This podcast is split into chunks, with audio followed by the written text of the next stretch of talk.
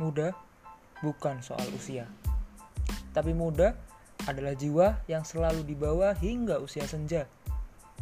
Saya Farid Bayu Murti, selamat datang di podcast Ragam Cerita.